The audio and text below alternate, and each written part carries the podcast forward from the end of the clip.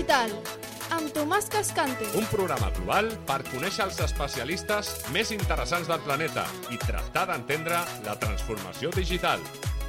El món és digital. El món és digital, El món és digital. amb Tomàs Cascante. Hola, benvingudes i benvinguts un cop més al Món és Digital. El Món és Digital és un programa que fem amb la col·laboració de PIMEC, la patronal de la petita i mitjana empresa i dels autònoms de Catalunya.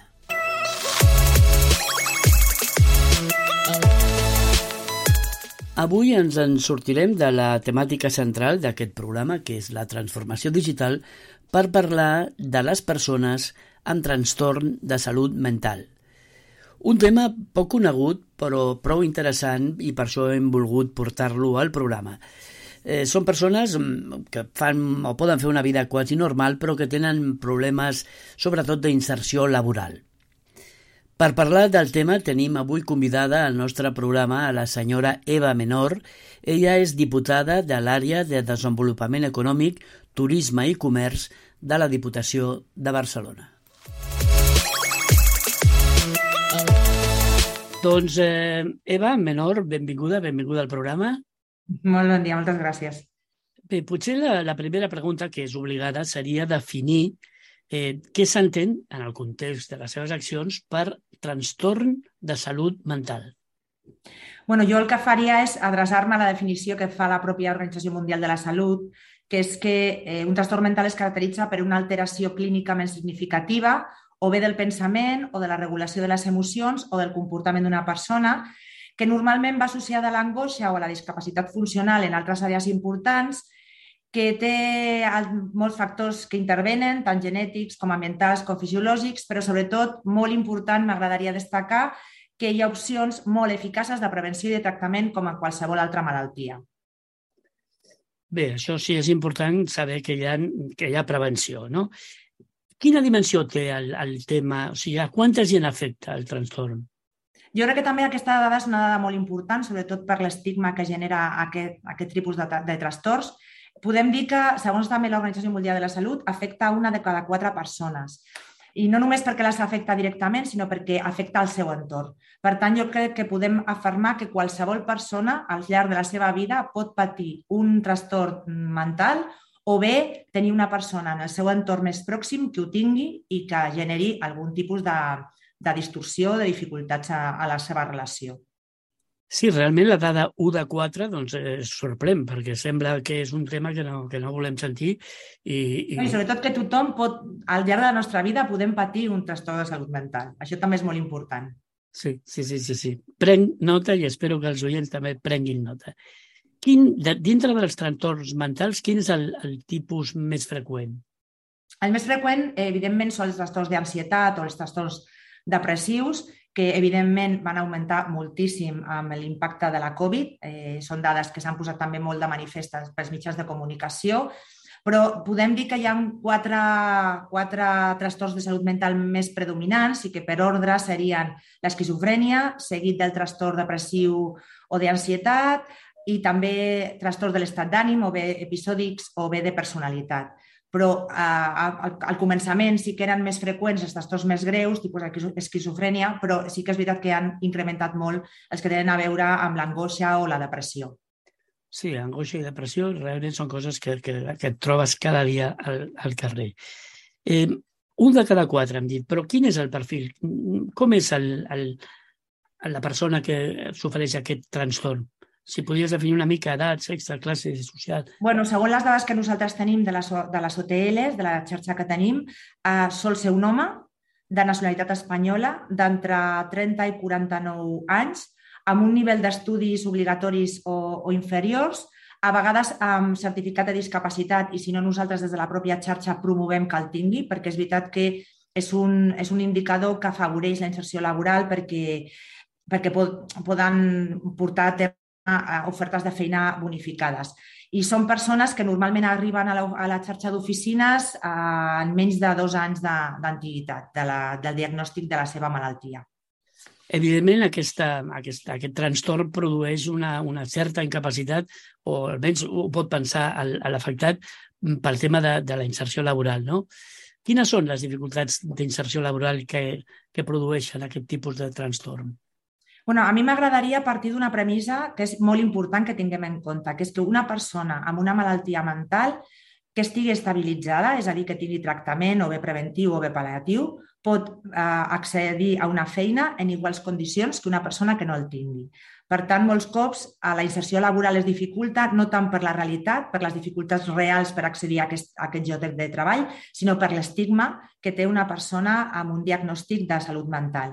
I, evidentment, eh, les dificultats o no d'inserció en el món laboral també depenen no només del, de la seva malaltia, sinó del seu nivell d'estudis, de les experiències passades, de la seva situació familiar. Per tant, és molt important des de la nostra xarxa donar molta confiança, formació i preparació a aquestes persones usuàries per eh, afavorir la seva, el seu procés d'inserció i que aquest sigui exitós. Per tant, donem informació i acompanyament també a les empreses, que és molt important perquè tinguin eines també per contractar-los. En definitiva, el que fem és analitzar el lloc de feina per ajudar a, que, a les candidatures que s'adaptin a les necessitats de l'empresa. Després fem també un seguiment postinserció tant amb la persona usuària com a l'empresa, si el considera necessari, i també ens coordinem amb els centres de salut, eh, els centres de salut perquè, per si és necessari, fer algun tipus d'ajustos de medicació o evitar efectes secundaris que poden influir en el dia a dia d'aquesta empresa i que, sobretot, que les seves visites siguin fora de l'horari laboral, no només per evitar a aquesta percepció que tenen d'absentisme, qualsevol persona que està afectada per una malaltia, no només de salut mental, sinó qualsevol altre tipus de malaltia que pot generar l'empresa, que pot generar molt absentisme, i també per l'estigmatització que pot crear el fet d'haver d'explicar les absències perquè han de ser per visites mèdiques relacionades amb un trastorn de salut mental.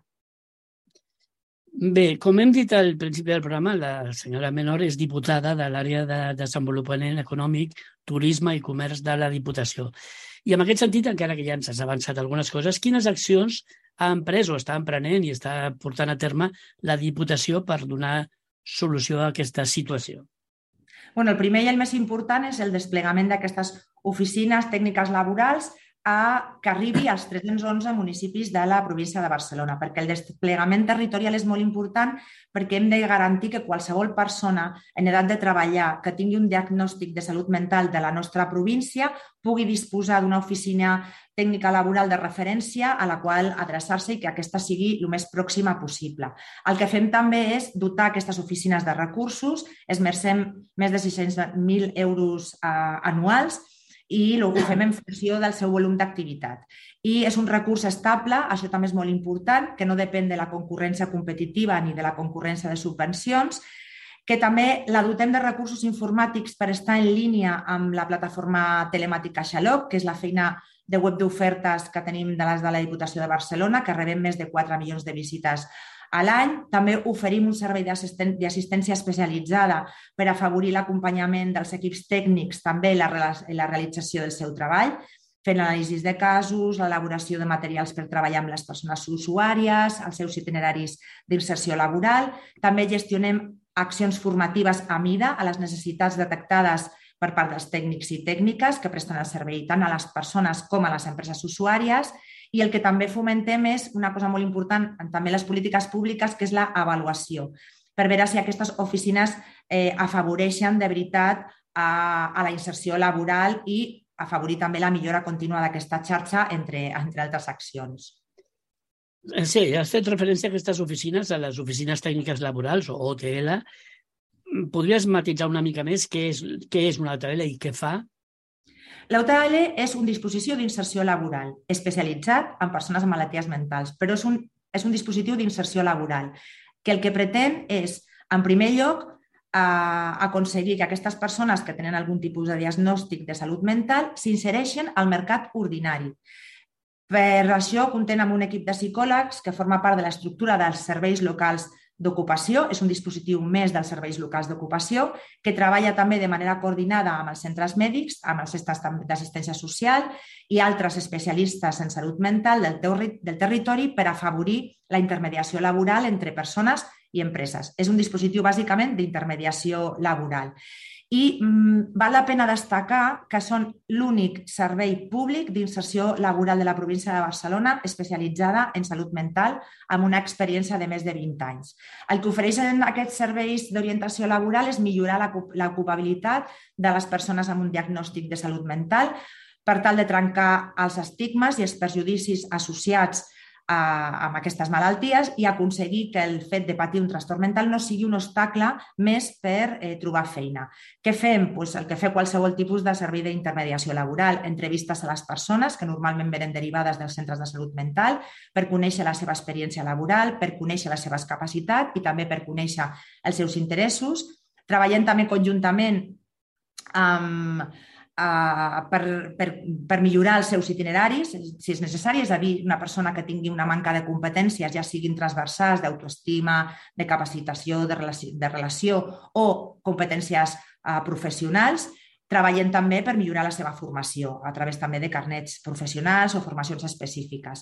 També realitzem eh, sessions tècniques de recerca de feina per elaborar un currículum, per afavorir la presentació de candidatures ofertes de feina o preparar per entrevistes de selecció, com fem en qualsevol eh, dispositiu d'orientació i d'inserció laboral. I gestionem ofertes amb les empreses del territori, els informem també de les possibles beneficis fiscals que poden tenir per contractar alguna persona d'aquesta tipologia, els informem informem sobre les tipologies de contractes i si es produeix la contractació, després el que fem és oferir sessions de seguiment per afavorir l'encaix entre el treballador i el seu lloc de feina. I també eh, els ajudem en les, en les tramitacions administratives, tant a les persones usuàries com a, la, com, a les, com a les pròpies empreses. En definitiva, és un servei d'intermediació laboral, insisteixo, però especialitzats per a persones eh, amb trastorns de salut mental. No, no, està realment eh, interessant el que ens estàs explicant perquè eh, és una mica desconegut el tema i és una quantitat increïble de, de tasques que esteu fent a favor d'aquestes persones. Encara que més o menys ja ho has dit, però per centrar-ho, quan es van crear o des de quan actuen les OTL? Bueno, es van crear en l'any 2002 amb una prova pilot de quatre, de quatre oficines que, que cobrien en aquell moment, quan van començar, el 18% del territori i hem arribat, després d'aquests 20 anys, a tenir 18 oficines que cobreixen la xarxa dels 311 municipis de la província. Nosaltres, eh, des d'aquest programa, sempre parlem del món digital. Llavors, totes aquestes accions, evidentment, centrades en persones, és, sembla evident que són presencials, però teniu també, o hi ha actuacions eh, online? Bueno, majoritàriament és veritat que és un dispositiu presencial perquè la proximitat és un valor i jo crec que el que podem oferir també des del territori, des dels ajuntaments i en aquest cas amb el recolzament de la Diputació és la proximitat que és un valor, eh, són evidentment presencials, però és veritat que amb la Covid, igual que qualsevol altre dispositiu, ens hem hagut d'adaptar a la situació de virtualitat i hem posat en marxa moltes accions en línia, moltes accions que han vingut per quedar-se i que, eh, tot i que majoritàriament les actuacions són presencials i personalitzades, també fem eh, atenció online, ja que forma part de la nostra rutina tant a empreses com a persones, perquè també jo crec que és un valor. Hem d'aprofitar tot l'aprenentatge que hem tingut de manera forçosa a la Covid i incorporar-lo de manera ordinària en els nostres dispositius. Així, amb números, un flash eh, de, de, de la història de, de les OTL. Bueno, he comentat abans, vam passar de quatre oficines que formaven part d'una prova pilot que arribaven només a cobrir el 18% del territori, que van començar a Sant Boi, al Maresme, a Sabadell i a Mollet del Vallès i en el 2022 el que tenim és cobert el 100% del nostre territori. Per tant, qualsevol persona de qualsevol municipi de Barcelona té assignada una OTL que li atendrà. I pel que fa a les persones ateses, eh, les dades són contundents. No? L'any 2002 255 persones eh, ateses per les OTLs. A l'any 2021, 1.885 persones. Hem tingut un creixement, com, com podeu veure, exponencial, de més del 700% de creixement. Sí, bueno, anava a preguntar-te eh, si hi havia moltes oficines, ja m'ho has dit, o a quanta gent ates, i també crec que m'has respost. Eh, quantes persones s'han inserit perquè, bueno, clar, això, ten... això és, eh, vosaltres feu totes les accions, però suposo sí. que de vegades... Eh? Bueno, jo crec que la dada més important que m'has preguntat és que més de 7.700 persones han trobat feina gràcies als dispositius de la OTL. Té molt a veure amb la dada que he donat abans, no? de les persones ateses que s'han hagut incrementant. Uh, en 20 anys hem atès més de 26.000 persones en aquests dispositius, s'han dedicat més de 12.000 hores d'actuacions individuals per les persones usuàries, eh, s'han fet més de 13.900 actuacions i, i bueno, això ha donat un bon resultat, que és 7.700 persones que han trobat feina gràcies a les nostres oficines. Molt bé, realment continuo sorprenent-me. Eh, les persones amb trastorn de, de salut mental, com arriben? Com us coneixen? Com, com saben de la vostra existència a partir d'ara? Eh, també gràcies a aquesta entrevista, però fins ara. Bueno, és, eh, jo, jo diria, de tota manera, afegint una mica la dada que he donat abans de les 7.700 persones que han trobat feina, des de la perspectiva de la taxa d'inserció, que també és una, una, una dada que hem de tenir en compte, tenint en compte que els serveis públics d'ocupació, en aquest cas el SOC, la seva dada de referència, és a dir, el, el grau d'inserció laboral de les persones que passen per el dispositiu són d'un 5%, la, el nostre grau d'inserció laboral de les OTLs és d'un 32%. Per tant, jo crec que és, un, és una dada a tenir en compte molt, molt exitosa, també tenint en compte que les dels serveis locals d'ocupació ordinari, diguem-ne que és el servei d'intermediació laboral ordinària, és del 20%. Per tant, jo crec que és una dada a tenir en compte. Com ens arriben aquestes persones? Normalment ens arriben a través dels centres de salut perquè són persones que tenen un diagnòstic.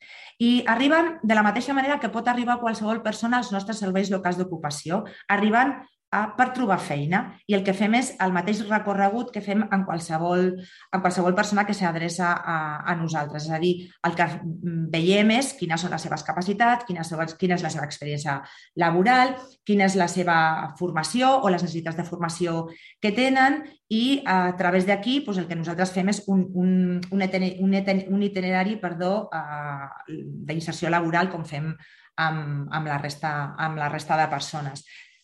Barreres. Quines barreres? Perquè suposo que hi ha en el món empresarial o quins rebuig per part de les empreses per contractar persones amb trastorn de salut mental. La primera barrera, sens dubte, i jo crec que hem de trencar, i aquests programes eh, ens donen un altaveu molt important perquè tinguem en compte, és l'estigma. Uh, l'estigma que amaga aquesta, aquest tipus de patologia. I a més és un pes que es mossega la cua perquè una persona amb un trastorn, amb, una, amb un trastorn de salut mental, com que té molta estigma i moltes dificultats, normalment l'amaga quan es troba al mercat ordinari de feina, troba moltes dificultats que el que fan és empitjorar encara més la seva patologia. Per tant, jo crec que és molt important trencar, trencar aquest estigma i que l'experiència prèvia la seva experiència a l'empresa sigui exitosa per no agreujar el seu trastorn. Un cop inserits a l'empresa, ja han vençut aquest rebuig, eh, s'integren? O sigui, el propi, la pròpia persona és, és acceptada, romanen per molt temps?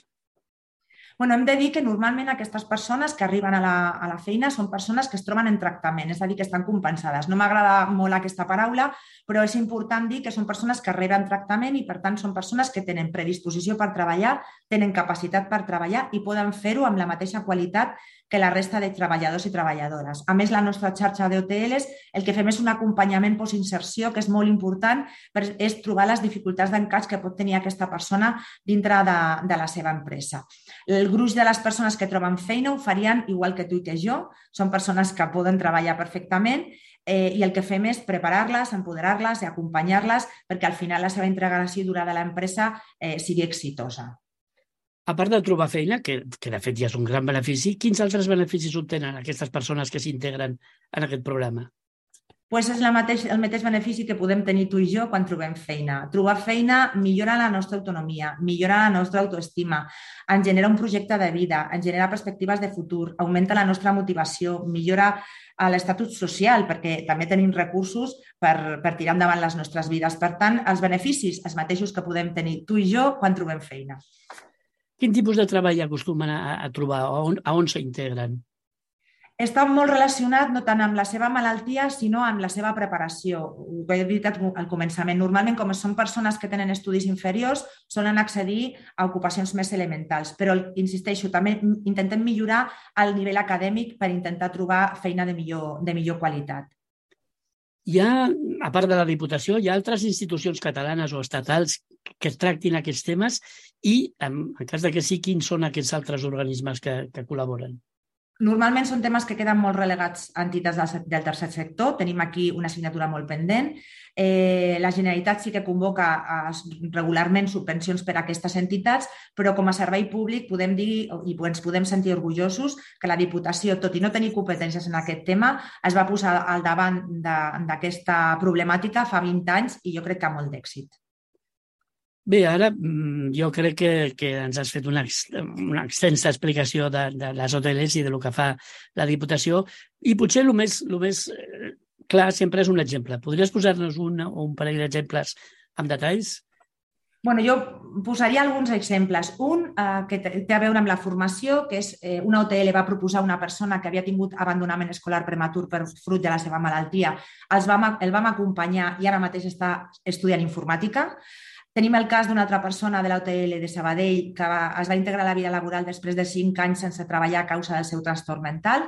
El vam derivar des de la unitat de psiquiatria a una OTL. Eh, vam aconseguir inserir-lo a l'Orquestra Sinfònica del Vallès com a conserge i després d'aquest acompanyament podem dir que aquesta orquestra el valora molt positivament, amb molt bona predisposició per col·laborar i amb molt bona relació amb els seus companys i companyes. Aquest és un cas dels que tenim recollit en un vídeo que us animo a, a consultar, que és Treball i Salut Mental trencant l'estigma, que està penjat a la web de la Diputació de Barcelona, que explica a aquesta persona en primera persona quin ha estat el seu, el seu recorregut en una OTL.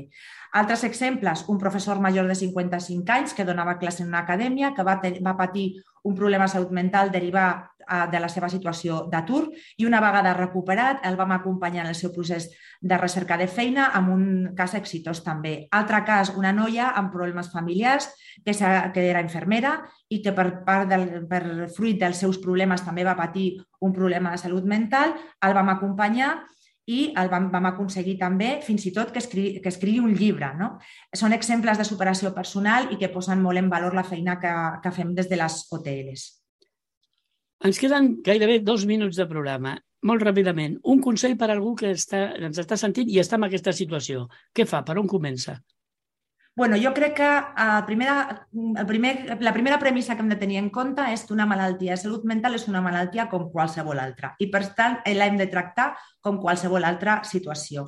Per tant, hi ha aquestes persones que, que els hi recomanaria que s'adrecin a les OTLs, que intentin buscar un itinerari formatiu i d'acompanyament laboral, perquè nosaltres sempre diem que una persona, una feina. Hem d'encaixar el lloc de feina a les empreses. I el que els diria a les empreses és Adreceu-vos també a demanar una, una, una ocupació d'una persona a l'OTL perquè a més poden gaudir de certs beneficis i prestacions econòmiques, perquè la inserció d'aquestes persones a les plantilles de les empreses ajuden també a complir amb la quota del 2% de persones amb discapacitat i a més que són persones que tenen moltes ganes de treballar, que tenen moltes ganes d'aportar que milloraran segurament el rendiment de la seva empresa i també una millora de la imatge social enriquint el seu capital humà. Bé, l'última pregunta sempre m'agrada que us la feu vosaltres mateixos. No sé què no t'he preguntat, però que consideres que és important que, que, que els oients sentin. Bueno, la primera, que el treball té una funció psicosocial que, eh, que provoca efectes positius en qualsevol persona. Que totes les administracions públiques tenim la responsabilitat d'aconseguir la inclusió social i laboral de totes les persones que viuen en els nostres territoris. Que totes les persones estem en risc de patir un trastorn de salut mental al llarg de les nostres vides. Això és molt important. Per tant, jo crec que entre tots i totes hem de trencar aquest estigma i tots posant el nostre granet de sorra hem d'intentar eh, aconseguir la inclusió social i laboral de totes les persones que, vivim, que, que, viven, que viuen en el nostre entorn. Totes les persones tenim capacitats, totes les persones tenim capacitats diverses i si entre tots i totes aconseguim desenvolupar les capacitats personals de cada individu, millorarem sens dubte el talent dels nostres territoris i, per tant, el desenvolupament econòmic i social de, de les nostres pobles, ciutats i, i, per tant, del país. Bé, doncs ara sí que hem arribat al final del programa. Eh, bueno, gràcies, Eva, per la teva presència aquí a, avui al nostre programa. Ha estat molt, molt, molt interessant i molt clarificador i no puc acomiadar el programa sense felicitar la Diputació per aquesta gran tasca que realment i sens dubte beneficia a les persones amb trastorn de salut mental i a les empreses que les empleen i, evidentment, a la societat en general. Eva, Eva Menor, eh, gràcies, gràcies i fins una propera ocasió que espero que tornis a passar pels nostres micròfons. Encantadíssima i moltíssimes gràcies per l'oportunitat que ens doneu de poder explicar aquest dispositiu que té 20 anys d'antiguitat amb molt bons resultats. Moltes gràcies.